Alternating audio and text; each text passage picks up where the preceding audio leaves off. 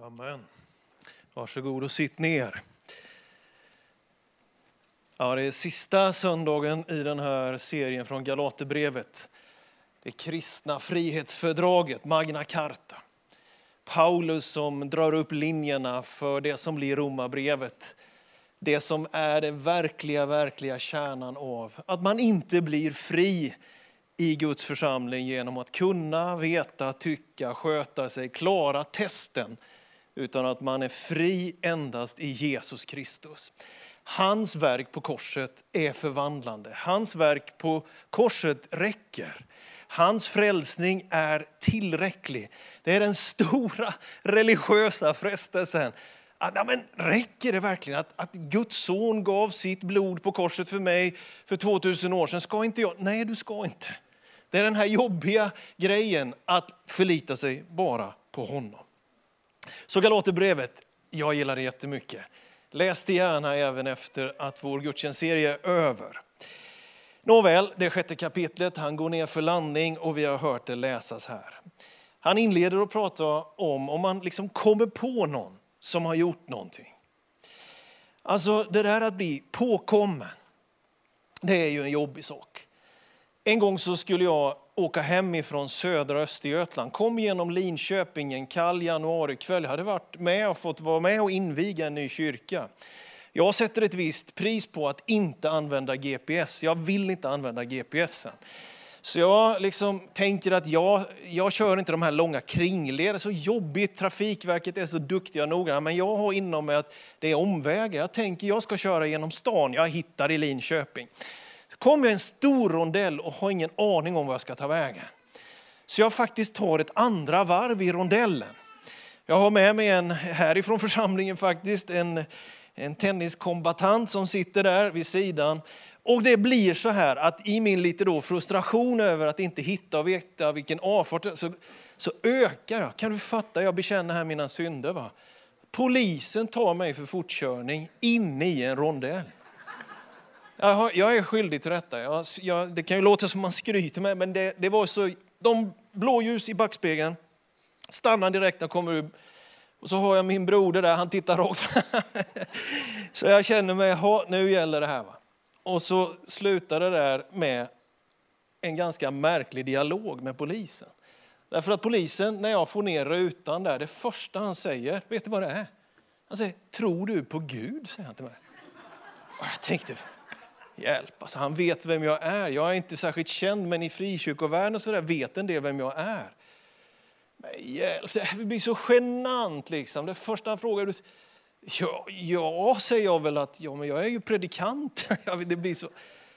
Hans orsak till att fråga mig, tror du på Gud, handlar om att han övade på lasen. Han var inte legitimerad eller vad det heter inom, så han hade inte rätt att bötfälla mig den gången.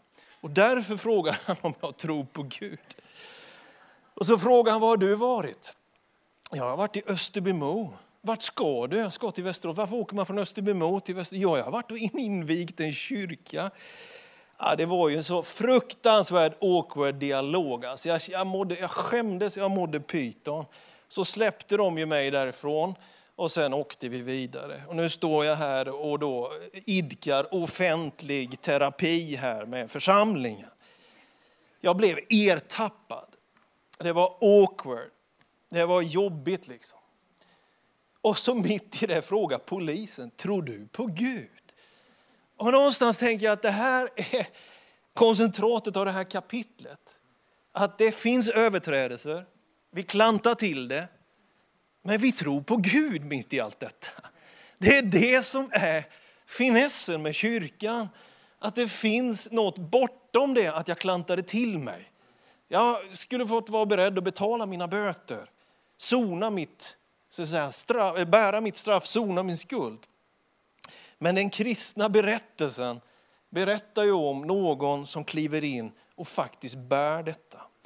Om du ertappas med en överträdelse, skulle man läsa lite noga på grekiska, är det ungefär som om ditt fisknät hade gått sönder. Har ditt nät gått sönder? Får du inte fångst längre? Får du inte livet att funka?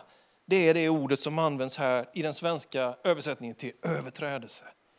Men då säger Paulus, inte till den som har fått hål i nätet. kört för fort, utan till omgivningen, till församlingen. Och om ni ser det här, då ska ni med en mild ande upprätta en sån person. Jag tycker det här är så vackert, men samtidigt finns det en allvarsam underton. Varför säger kung David, jag vill hellre falla i dina händer Gud, än i människors händer. Varför ibland är vi hårdare domare än vad Herren själv verkar vara? Guds bud och människors regler. När Jesus talar om Guds bud och människors regler så är det det här tillägget, den religiösa plusmenyn som ställer krav på människor som känner jag kommer aldrig klara det här. För jag har det här och det här och det här. De här och de här och de här överträdelserna. Guds församling, när den är som finast, den har en mild ande över sig. Den har värme i blicken. Den ger inte upp liksom på förbrytarna, utan den vet att vi är alla förbrytare. Den läser och konstaterar att vi är alla i behov, i vissa lägen, att någon älskar oss mer än vad vi faktiskt förtjänar i den stunden. Att någon bevisar, jag gillar dig Daniel, eller dig Lisa, mer än vad du just nu faktiskt har skrapat ihop till. Det är det som är den milda anden, barmhärtigheten. Det är så här illa ställt, men vi ska hjälpa dig nu, Daniel. Bär varandras bördor. Så uppfyller ni Kristi lag. Ja, men diskussionen är ju, det religiösa, de ville att icke-judarna som inte hade alls tradition och vana med omskärelse skulle börja omskära sig. Och Paulus säger det, det spelar liksom ingen roll, säger han i det här kapitlet. Det viktigaste är att du är en ny skapelse. Pingstledaren Levi Petrus lär ha sagt när någon var lite orolig. Jag minns inte när jag blev frälst. Jag minns inte när jag kom till tro. Då lär LP ha sagt, det viktigaste är inte att veta den dag du föddes, utan att veta att du faktiskt lever. Och det är det viktiga i den här texten. Någonstans har det börjat. Våra berättelser är olika. Någonstans kom du till tro på Jesus. Absolut är det så. Men det är inte det viktigaste att du kan ha en fin, fin berättelse om din början. Utan det är någonstans i nuet och att se framåt som är det allra, allra viktigaste. Att du lever, du är en ny skapelse, någonting nytt har börjat. Jag tänker på när Jesus ropar där i Betania till den döde Lazarus inne i graven som redan luktade. Lazarus kom ut. Och så kommer den döde ut. Och när han kommer ut får lärjungarna ett uppdrag. Kommer ni ihåg vad det är? Jag kan läsa om det, det är väl Johannes 11. Va? Så när han kommer ut där Lazarus så säger Jesus till lärjungarna, ta av honom bindlarna. Du vet, de var svepta de här, när man la dem i den här graven. Ja, Paul Zettersten, min mentor, han sa en gång när han predikade, alla är välkomna till kyrkan. Alla som mår illa, alla som hör illa, alla som går illa, alla som ser illa. Men ni som luktar illa, ni kan stanna. Skämt. Förmodligen luktade det lik om den döde Lazarus bindlar och Jesus säger till lärjungarna, ta av honom bindlarna. Jag tycker det är en fin bild på det här. Den milda anden det faktiskt ibland luktar unket omkring oss. Vi får bara konstatera att det finns lägen där effekten av döden märks. Och trots att Jesus har gjort miraklet, gett oss en ny chans, ett nytt liv, så finns de där bindlarna. De där erfarenheterna, de där ärren, de där mönstren. Det där som inte går att liksom bli av med. Och jag vill bara sträcka mig ut till mig själv och till dig som känner att jag har illaluktande bindlar på kroppen så ber jag till Gud att du ska känna idag, vi är inte här för att peka ut dig, vi är inte här för att du ska schavottera. Vi vill inte vara en gemenskap där vi sätter dit varandra, utan vi vill se livet. Lazarus kommer ut och det är bara Jesus som kan frälsa och ge nytt liv. Det är bara Jesus som kan förvandla. Det är bara han som kan se till att vi är en ny skapelse. Det är inte kyrkan som krampaktigt krystat tvingar fram detta. Jesus gör det. Men kyrkans uppdrag är att plocka bort de där bindlarna. Halleluja! Du vet, vi ska inte vara för hårda mot varandra, utan vi ska vara barmhärtiga. Därför att Paulus varnar snarare att det kommer drabba er som tycker jag står stadigt. Den som, inte tycker sig vara något, den som tycker sig vara något fast han ingenting är, bedrar sig själv.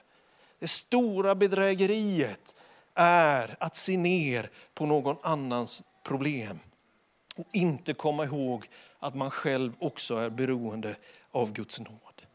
Var och en ska pröva sin egen gärning. Kan han ha sin stolthet för sig själv? Och så säger Paulus, var och en ska bära sin egen ryggsäck. Hallå, vad står det här? Inom loppet av några meningar. Vi bär varandras bördor, men du ska ändå bära din egen ryggsäck. Är det en motsägelse? Är det någonting som aposteln här skriver som handlar om att det där om att bära varandras bördor, när det väl gäller så står du på egna ben i alla fall.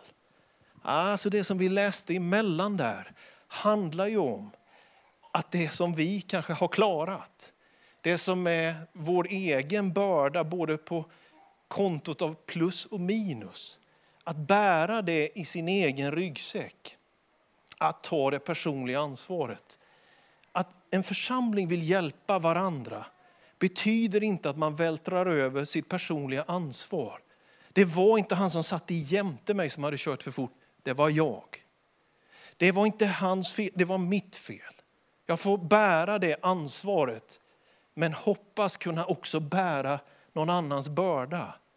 Då uppstår en församling som är barmhärtig men inte anarkistisk.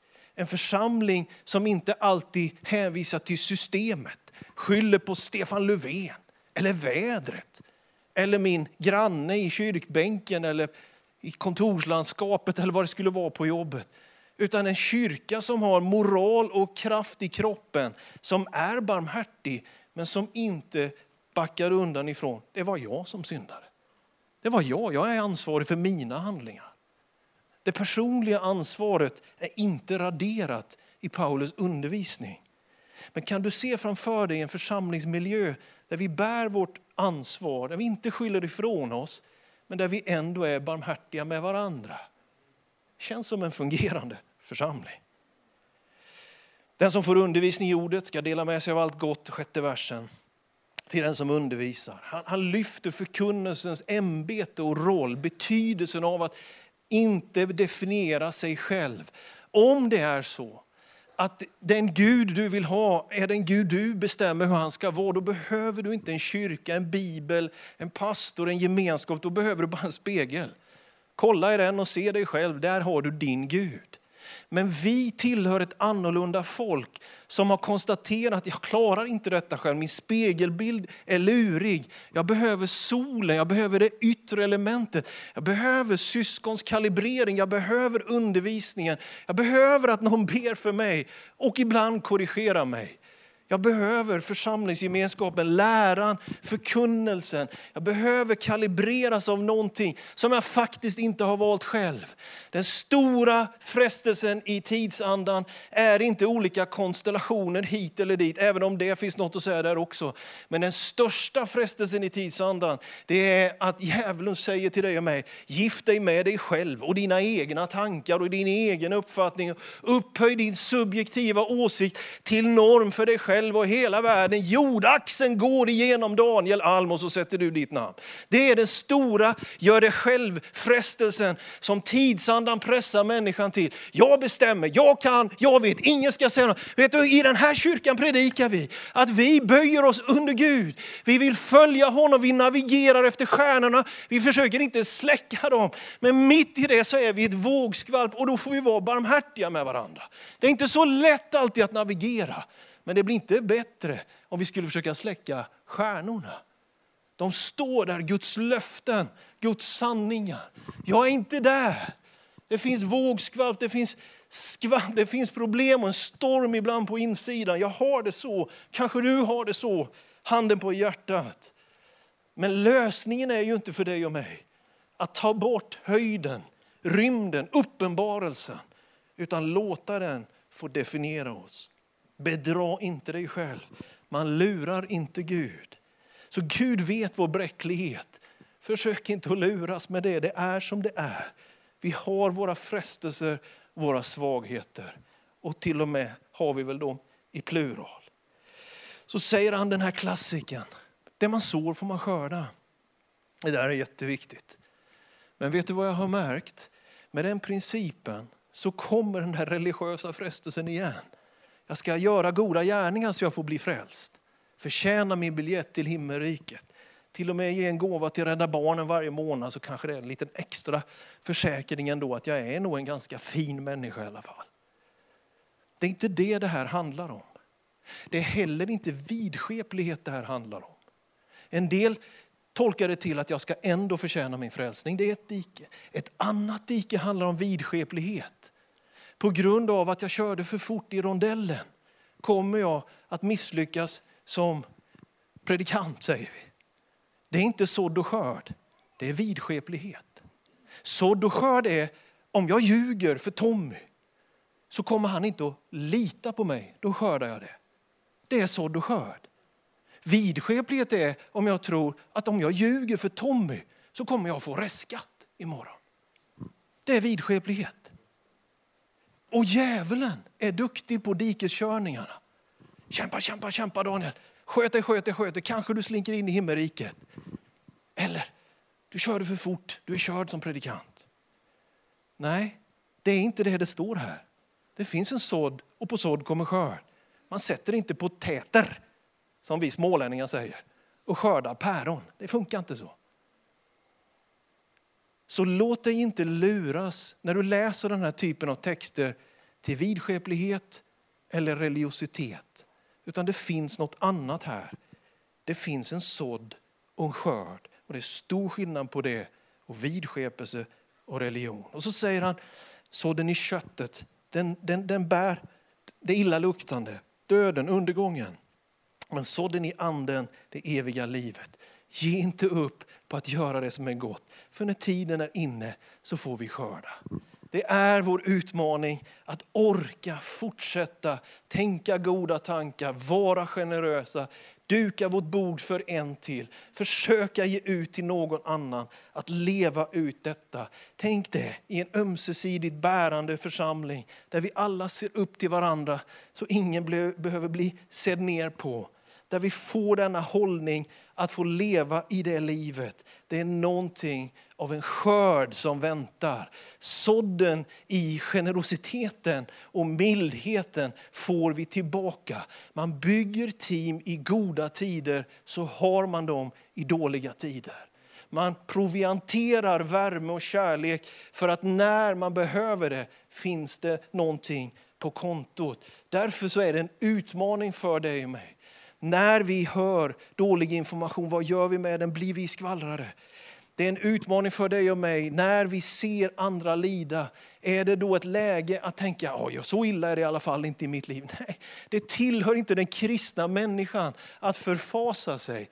Det tillhör sådden att förbarma sig och så skörda en kärlek i retur. Ja, nåväl, han går vidare och han skriver med egen hand. De som vill göra ett gott intryck genom det yttre försöker tvinga er till omskärelse. Men vet ni, skriver Paulus, inte ens själva håller de lagen. Det här är ju det här bräckliga inom oss. Någon som sa om tio Guds bud, jo, det är jättebra, jag håller dem ett i taget. Var det så. Alltså det ligger någon slags svaghet i oss och vi kommer att snubbla. Men det stora med kristen morallära, med etik, eftersom vi alla har gjort våra fortkörningar och snurrat till det i rondellen. Liksom. Men det stora med kristen etisk förkunnelse som jag uppfattar det i tio Guds bud till exempel och i det, det är att det är framåtsyftande. Du skall och du skall inte. Tänk att Mose får förmedla till folket, du skall icke dräpa. Vad hade han själv gjort? Han hade ju dräpt en. Han hade ju själv mördat en egyptier där. Och så fick han förmedla från Gud till oss, du skall inte dräpa. Du vet, det är inte läge för Mose att ta på sig domarrocken. Liksom, rocken, va? Han var skyldig. Va? Men det fanns något framåtsyftande. Det är det stora med evangelium. Lagen dömer, parkerar och säger åt sidan. Evangeliet befriar och säger, det är inte kört. Det gick snett, men det är inte kört. Så jag vill bara säga till dig, du som kände ångesten liksom igår kväll senast. Det är liksom aldrig någonsin kört. Tro på Gud, tro på hans kärlek. Och låt den här mildheten finnas ibland oss vänner. Så kommer vi ändå att ta oss igenom livets kamp. Vet, jag har varit pastor i den här församlingen i 15 år. Jag kan inte stå här och berömma mig och säga jag har varit syndfri i 15 år. En hel del av er, ni känner mig så väl och jobbat med mig. Ni skulle kunna ge ut Excel-ark på mina brister. En liten bok säger någon till och med. Ja, ni förstår. Det går inte, liksom. jag kan inte berömma mig av att jag fixade det här. Men jag berömmer mig, som Paulus skriver, av korset, av frälsningen. Och den har burit och den ska bära oss igenom allt. Då kommer frid och barmhärtighet över alla som följer den regeln, skriver Paulus här. Och så går han ner för landning och det gör jag också nu då. Nu får ingen ge mig mer besvär, säger han. Han är ärrad, åldrad. Paulus, den slitne aposteln på något sätt, känner vi av i Galaterbrevet. Jag kan inte ta mer just nu. Det är som att han liksom säger, jag bär Jesu märke på min kropp. Det är någonting av respekten för den som har gått igenom mycket som behöver finnas där. Det finns föräldrar, kanske i det här rummet, som sör, tvingats sörja sina barn. Förlorat så säga, i fel ordning om man så säger. Egentligen är det ju barn som ska sörja sina föräldrar. Vi andra som inte har upplevt det, låt oss ha respekt för den som är ärrad av livets erfarenheter. En del av oss har vuxit upp i trygga miljöer, andra har inte gjort det. Det går inte att lägga samma måttstock på alla. Jag föddes på det småländska höglandet i bibelbältet. Jag jag kan bröstsköldens tolv ädelstenar och Israels tolv stammar fast jag har glömt bort dem. Jag, jag är impregnerad med mycket av kyrkans värld. Men många som kommer i kontakt med vår församling kan knappt skilja på gamla och nya testamentet. Vem är då jag att jag skulle säga, vad dåligt av dig att du inte kan mer. Det är som att när Paulus är lite personlig och ärlig så säger han bara att ni får inte ställa till det för mycket för mig. Jag tror faktiskt att en del, kanske i det här rummet eller du som ser den här gudstjänsten. Jag tror att du behöver få höra det. Att även om inte vi vet detaljer så hoppas jag att du ändå skulle känna att det jag tycker andas i Galaterbrevet, så jag hoppas vår församling skulle andas, det är att om man har blivit utsatt för övergrepp, om man har blivit utsatt för misshandel. Vi har medlemmar i vår församling som är misshandlade av totalitära regimer. Jag har sett det på deras kroppar när de har visat så har du en erfarenhet jag inte har. Och jag hoppas du ska känna respekt för ärren och för åren av kamp. Äldre människor som går ner för landningen. Att vara gammal i den här församlingen, att ha varit med hela vägen. Det måste respekteras. Det måste vara någonting från det som är jag, jag vill förändra. Egentligen vill jag förändra församlingen mer och i snabbare takt än vad jag lyckas med. Men det finns inte en gnutta i mig som tänker att det är nya uttryckssätt eller former och sådär, modernitet skulle ha någonting med att göra. Att inte respektera arvet, förkämparna, de som har ärren och åren. När Paulus skriver, jag bär Jesu märken, så är det inget för unga, valpiga kristna att bortförklara. Utan respektera de som har gått en lång sträcka och vandrat med Gud genom hela sitt liv. Igår kväll såg många matchen mellan Danmark och Finland och den här Tottenham-spelaren, jag älskar Tottenham, Christian Eriksson som segnar ner och så händer det här att lagkaptenen där ser till att Eh, blir en ring, ger Gert Lundgren, eh, hans fru är ju där, det blir den här kaos, panikscenen. Så ser man bilden av laget. Även om det inte var en överträdelse så var det ju ändå någonting väldigt dramatiskt som hände. Vilken vacker bild på också en församlingsgemenskap när den funkar. Respekt för de sårade, respekt för ärren. Så går det ner och så landar det med vår Herre Jesu Kristi nåd vare med er ande. Jag vet inte, jag tycker Galaterbrevet 6 det är en underbar vision av ett generöst liv som inte fråntar ansvar men som ständigt ser att det finns en väg framåt och att berömmelse i Guds församling är korset och nåden. Vår Herre Jesu Kristi nåd vare med er ande. Amen ska vi stå upp här över kyrkan och så ber vi. Så går vi inför landning med vår gudstjänst sedan här. Fader i himmelen, tack att du är här just nu. Genom din helige Ande, utgjuten sedan pingstdagen, närvarande i det vi vet och det vi inte vet, i det vi ser och det vi inte ser. I det vi skäms för och det vi är stolta över så vill du hjälpa oss och ge oss tröst och hjälp. Fader i himlen, jag tackar dig. Tackar dig för att vi får be om att den här bilden av vad en församling är, som Paulus skissar i Galaterbrevet, låt en mildhet känneteckna mitt liv och vårt liv. Låt det få finnas en ömsesidighet i respekten för de som är slitna och pressade och ärrade, kanske av åren eller av såren. Låt det få finnas en stolthet i ditt kors i vår församling, Herre. Att vi berömmer oss av frälsningen, inte vår religiösa förmåga, inte vår moral eller våra goda gärningar. Utan att vi berömmer oss av dig, Herre, som gav ditt liv. Tack att du ger frälsning också idag. Tack att du ser om det finns människor som i den här gudstjänsten ger upp det personliga projektet och ger sitt liv till dig. Tack att du tar emot den som vill bli frälst idag. Tack att du ger nytt liv, en ny skapelse för den som vill börja om igen. Tack att vi får vara som i bön och rycka av varandra illaluktande bindlar för att livet har återkommit och uppståndelsen är där och även om det luktar till och med lite lik och är påfrestande för gemenskapen så ber jag att det ska finnas sådana människor av det virket i vår församling, i kristenheten, som inte väjer för det illaluktande utan som bara rycker av de där bindlarna. Jesus, jag tackar dig. Tackar dig för att du vill läka och hela genom din församling. I Jesu namn. Amen, amen. Amen, amen. Gud välsigne.